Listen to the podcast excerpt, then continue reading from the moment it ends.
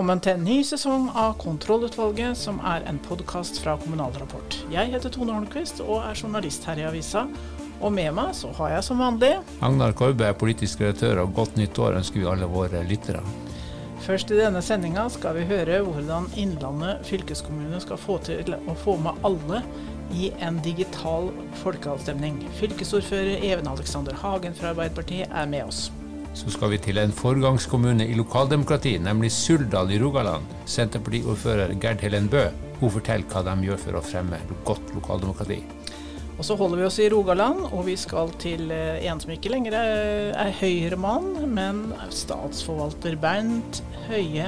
Han skal fremdeles snakke om pandemi. Og litt annet. Og til slutt så skal vi se på et utbredt fenomen i Kommune-Norge, nemlig alle de prisene du kan få. og Spørsmålet er nå hvem vant årets havrepris? Da er møtet satt, og dagsorden er godkjent. Innlandet fylkeskommune skal arrangere en digital folkeavstemning om fylkesoppløsning. Å stemme digitalt er ikke så vanskelig for oss som eh, er digitale, men hva med dem som ikke er det? Hvordan skal alle få vært med og stemt fylkesordfører Even Alexander Hagen, som også leder eh, valgnemnda i fylkeskommunen. Jo, nå har vi jobba mye med dette her. For oss ønsker jo at dette skal være et uh, reelt valg der alle kan delta. Og vi har jo hatt dialog med kommunen her nå, som jo egentlig er helt nøkkelfaktoren for oss å nå ut til dem som ja, av ulike grunner finner dette her som en økt terskel da, for å delta. Så at du enten ikke har utstyr, eller kanskje til og med ikke har nettegang hjemme, eh, eller at du ikke har kompetansen til å få stemt digitalt. Da er det viktig at eh, kommunen har et tilbud der du kan eh, ta kontakt, møte opp fysisk, få disponere en gjeste-PC, og at du òg har tilgang på hjelp. Da. At folk kan rett og slett bistå deg med det. Og så er det jo viktig at oss nå sender ut lett tilgjengelig informasjon om dette her. På papir i postkassa hjemme hos alle husstander. Slik at det er også informasjon om hvordan du faktisk da eh, får tilgang til den elektroniske ID-en din. da. For det er jo en eh, helt like avgjørende ting for å få stemt at du får tak i koder til min ID f.eks. Eller at du har en type bank-ID eller annen elektronisk ID som du disponerer. Så de som ikke har det, eh, de får ikke stemt? Eller kan de stemme da eh, på papir? Det er ikke mulig å få stemt på papir, men eh, min ID eksempel, er jo noe som alle innbyggere har. Eh, alle innbyggere over 13 år eh, har en min ID, men du må ha de koden for å få logga det inn. Så Det er jo det som er viktig at vi nå får sendt informasjon om, slik at alle skal ha en reell mulighet til å få deltatt. Og så er vi jo helt enige med dem som påpeker at dette ikke er en optimal løsning. Vi ønska jo opprinnelig å ha en kombinasjon, både digital og fysisk stemmegiving. Men pga. veldig klare tilbakemeldinger fra ja, det var både kommuner, men også fra statsforvalteren om at dette her er svært krevende i en pandemisituasjon, både med tanke på smittevern, men òg ressursbruk, så landa et enstemmig valgstyre på at nå blir det en heldigital variant denne gangen.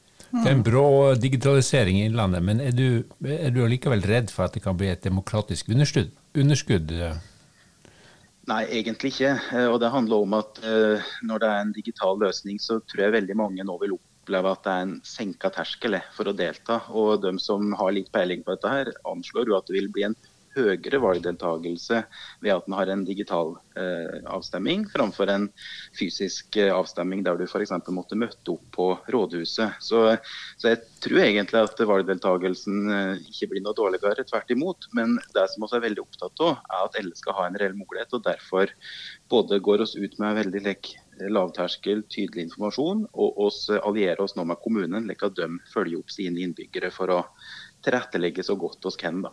Kan det være noe å hente av lærdom her med tanke på eh, framtidige kommune- og fylkestingsvalg? Ja, helt sikkert. Nå er jo dette her ganske banebrytende. Både fordi at vi nå eh, kjører en digital løsning. Eh, det vi òg prøver ut, er jo at vi har stemmerettsalder 16 år. Fordi at det er det åpna for i i veilederen fra regjeringa når det gjelder folkeavstemninger. Så her tenker jeg at det er mye innovasjon. Så det er helt riktig som dere er inne på at her går jo Innlandet framfor både når det gjelder digitalisering og det å utvide demokratiet for flere. Så der, der bør det være mye læring i òg for andre. For dere fikk ikke noe særlig hjelp fra departementet her? De hadde ikke noe veileder til å fortelle dere hvordan dere skulle gjøre dette her? Nei, Det som var tilbakemeldingen fra departementet, er jo at uh, de har lite erfaring med digitale valg.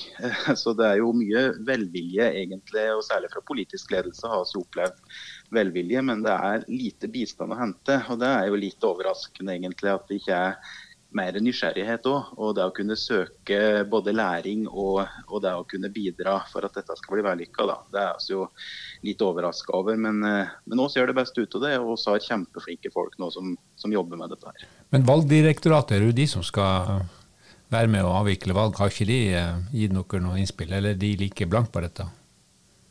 Det har vært lite tilbakemeldinger på, på, konkret hjelp, altså, det må jeg si.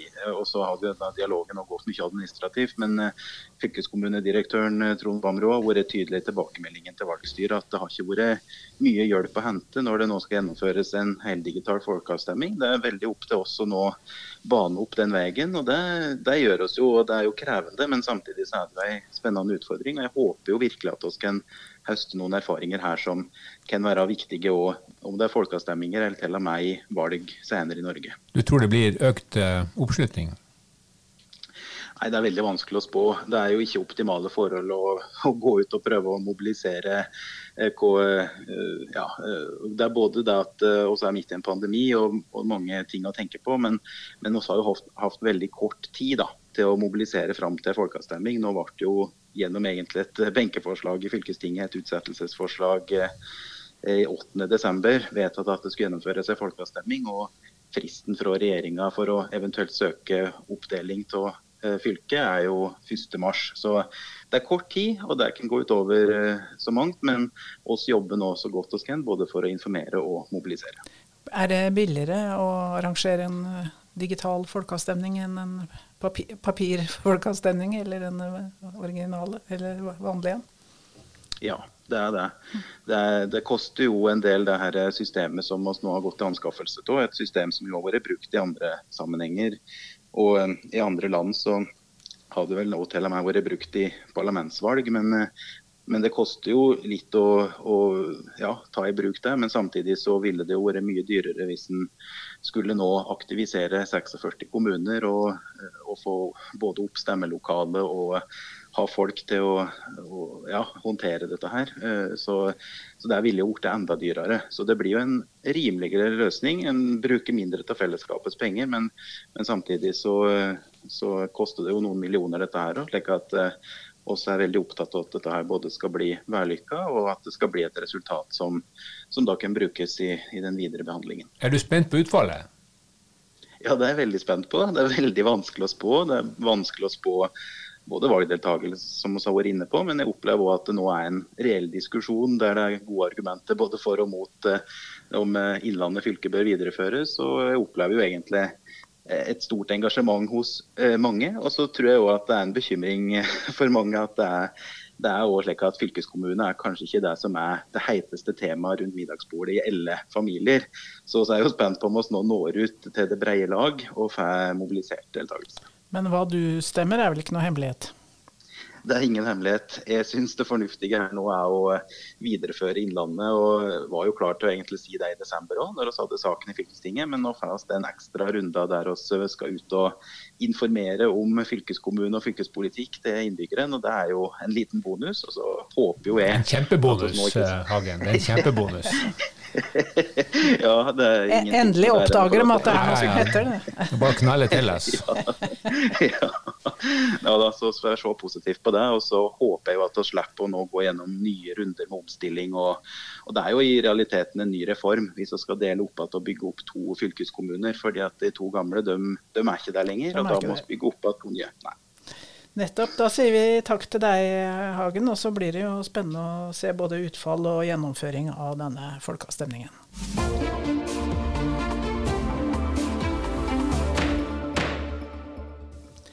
Regjeringen har satt i gang et prosjekt som skal gå over to år, der syv ulike kommuner skal utvikle sitt lokaldemokrati, særlig med tanke på større medvirkning fra befolkningen. En av kommunene som skal være med, er Suldal. og Suldal har rundt 3800 eh, innbyggere og syv bygder med skoler og barnehager og oppvekstsentra. Og sånn eh, vil dere gjerne fortsatt eh, ha det, ordfører Gerd Helen Bø. Ja, det vil vi svært gjerne. For vi har, eh, som du sa, eh, en stor kommune med 1700-1800 kvadratmeter. Og, og disse bygdene våre de er spredt rundt, så det er store avstander imellom dem. Og til dels rasfarlige veier imellom dem òg. Og det er det som har vært grunnlag for all bosetning i Suldal opp gjennom åra. Derfor eh, er det et ønske for oss å ha Vi vil ha et sterkt kommunesenter, men vi vil òg ha livskraftige bygder. Eh, eh, har dere grendelag da, i disse bygdene? Vi har det som vi kaller for grendeutvalg. Utvalget. Mm -hmm. Ja, og Det er en ordning som vi har hatt siden tilbake på 90-tallet. Med, med tilpasninger ut opp gjennom åra. Fungerer, fungerer, det godt med disse grendeutvalgene? Vi mener at det, det, fungerer greit. For da får vi som sitter i kommunestyret, vi får en mer direkte kontakt med bygdene. Og de får komme med innspill til oss hva de mener er viktig. For uh, vi ser jo det at uh, det er ikke alt, vi har 19 representanter i kommunestyret, og det er ikke alle bygdene som alltid blir representerte i kommunestyret. og Da er det veldig greit å ha en sånn organ i tillegg. Og Da vil han få litt mer medvirknad. Hvem sitter i grendeutvalgene? Eh, dette er jo et sånn såkalt kommunedelsutvalg, så det er oppretta etter, etter, kommuneloven. Så det blir valgt av kommunestyret, men det er en valgkomité i bygda sjøl som, som, foreslår representanter. Så de har ikke noen eh, trenger ikke ha noen politisk bakgrunn i det hele. De blir valgt ut ifra interesser og og de kan bidra med i lokalsamfunnet. Men hvordan rapporterer de til kommunestyret? Får de møterett eh, i kommunestyret f.eks.? De har, de har ikke hatt møterett i kommunestyret, men eh, de har eh, Altså når de skal ha møte, så lager de si saksliste som blir sendt til kommunen. Og den blir òg sendt til alle, eller de representantene, hvis det er noen fra de bygdene der de er ifra. Og så Sånn at det blir offentliggjort tid de har møte, og de skriver møteprotokoll fra møtene. Og de blir, går som melding til kommunestyret. Nettopp, men Nå skal dere være med i dette prosjektet. Hva, hva vil dere utvikle? Hva vil dere gjøre mer av? Altså det vi, vi håper det er å få enda bedre kontakt med Grendeutvalget. Få en bedre flyt på informasjon. At vi er sikre på at uh, deres uh, tilbakemeldinger kommer oss i hende, og at ja, kan vi ut, finne ut noen andre måter vi kan gjøre det på. Hva kan vi videreutvikle det med digitale mm. kommunikasjon imellom dem? Og så har vi òg eh, egentlig hvordan kan vi få til en modell, en bedre modell for den administrative støtta til dem. Altså, vi er jo en liten kommune, så vi har ikke en person som jobber med dette her. Så, men eh, vi ønsker å se på hvordan vi kan få til det på en bedre måte enn det som det er nå. Ok, det trengs litt mer kraft i, i administrasjonen for å følge opp dem. Men uh, du er ikke redd for å spenne forventningene for høyt for de som bor i de ulike bygdene? Nei, jeg er ikke det. Eh, jeg, eh, jeg tror det er, det er, viktig å ha den, eh, den, kontakten, og det er viktig å ha engasjerte representanter. Sånn så Nå har vi nå sett at ja, vi, er en politisk interessert befolkning, sånn, og valgdeltakelsen ligger høyt hos oss. Ja, det er bra. For, for eksempel var det 82,6 nå ved sist valg. Så det, det, er, det er interesse for å videreutvikle bygdene. Og så har dere en aktiv eh, lokalavis. Det er viktig? Ja, det er veldig viktig. Og, og spesielt når altså For vi er jo en plass som de store regionalavisene de eh, har ikke så veldig mye fra vår og Da er det veldig viktig at vi har en lokalavis som er på og tar opp lokale saker. um, den, De møter stort sett alltid opp på, på alle politiske møter i kommunen. da. Ja. Eh, da sier vi takk til deg, ordfører Bø, og så får vi bare ønske lykke til med prosjektet. Og det å bli en foregangskommune i lokaldemokrati, det er jo et ansvar. Da. Ja, det er et veldig stort ansvar, så tusen takk for at jeg fikk være med og si litt om vår ordning.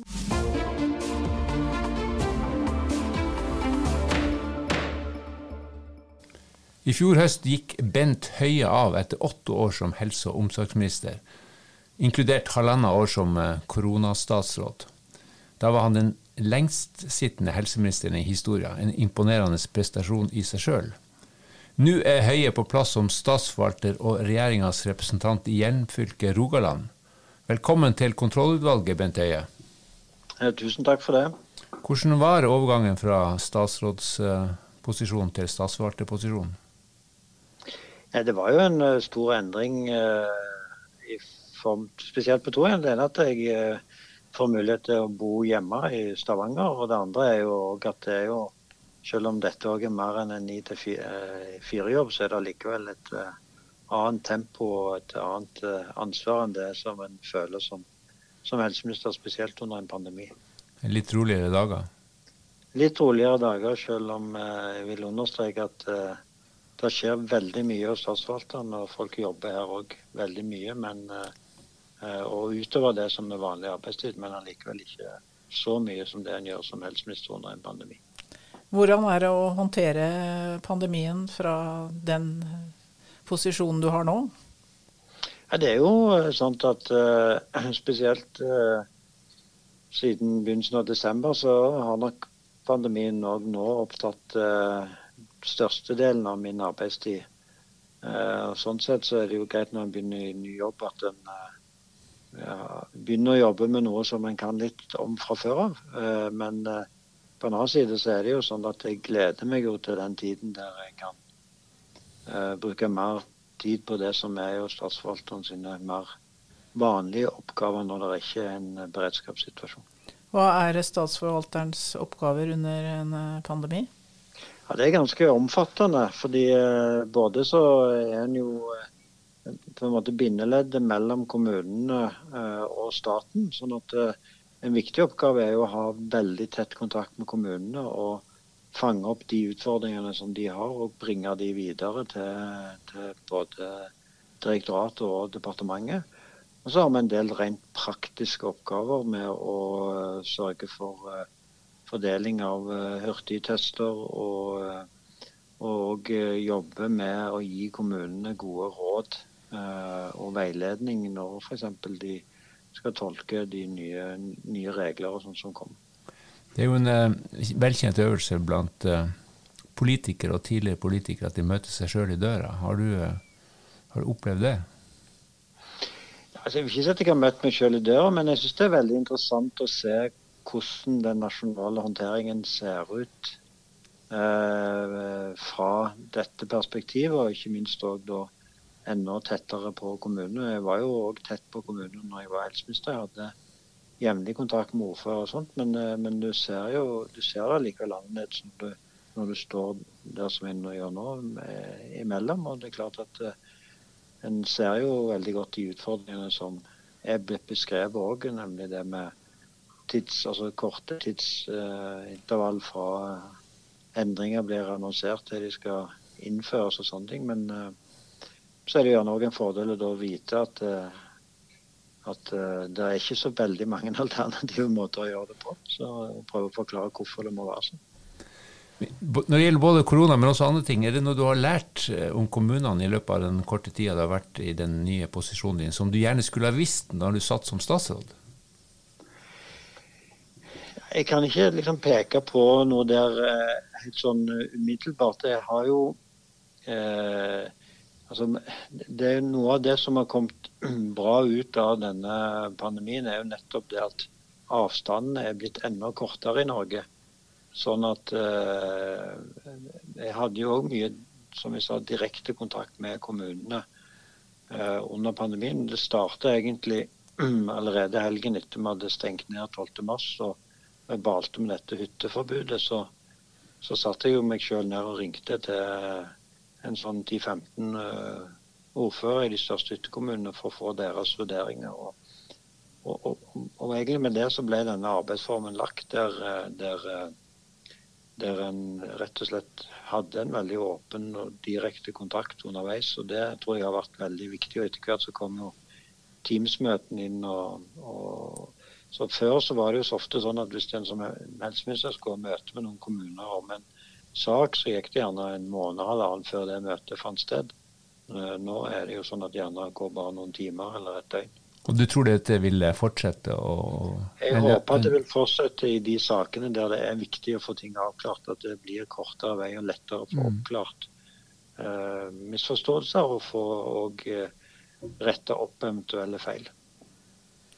Har du gitt noen kommunene noen gode råd i denne koronahåndteringa, som du tenkte at ah, nå kan jeg si det akkurat sånn som det?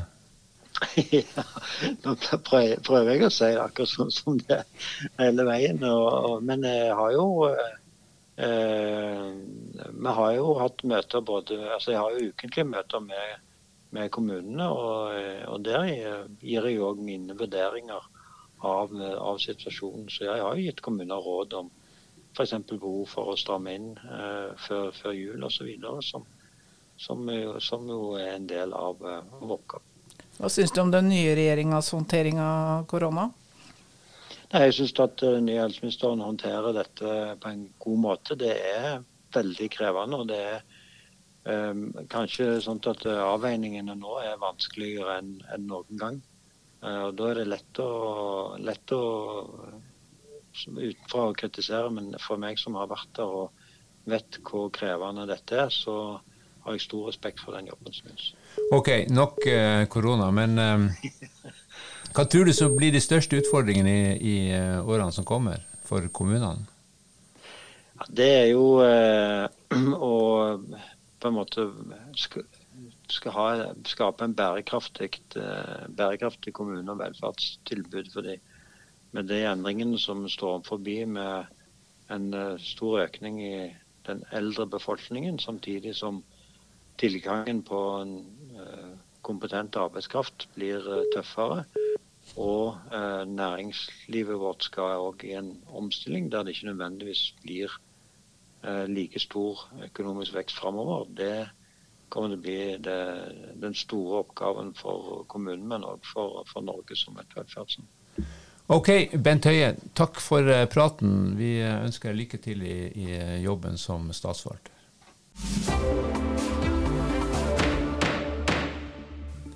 Da er vi over på eventuelt eh, punktet, Tone.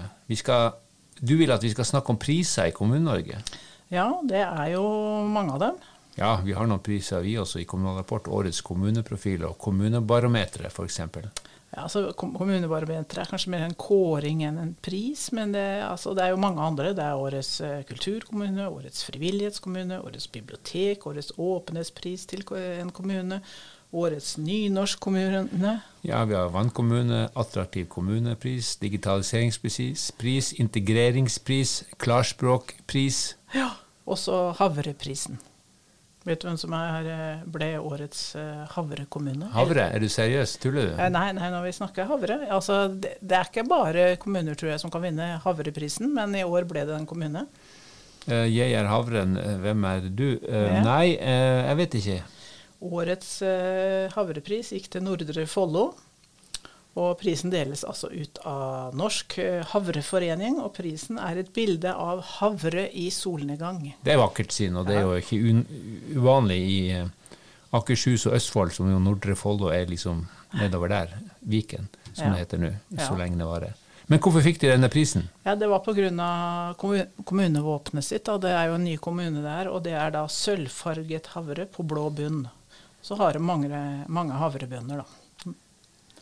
Så det, det, var derfor de fikk den prisen. Og da sier altså leder i Havreforeningen til Oppegård Avis vi setter pris på at Nordre Follo har valgt havre, som er en av Norges viktigste kulturplanter og en meget sunn matplante. Og det vet vi jo, vi som spiser havregrøt hver dag. Havregrøt og havrelefse. Ja.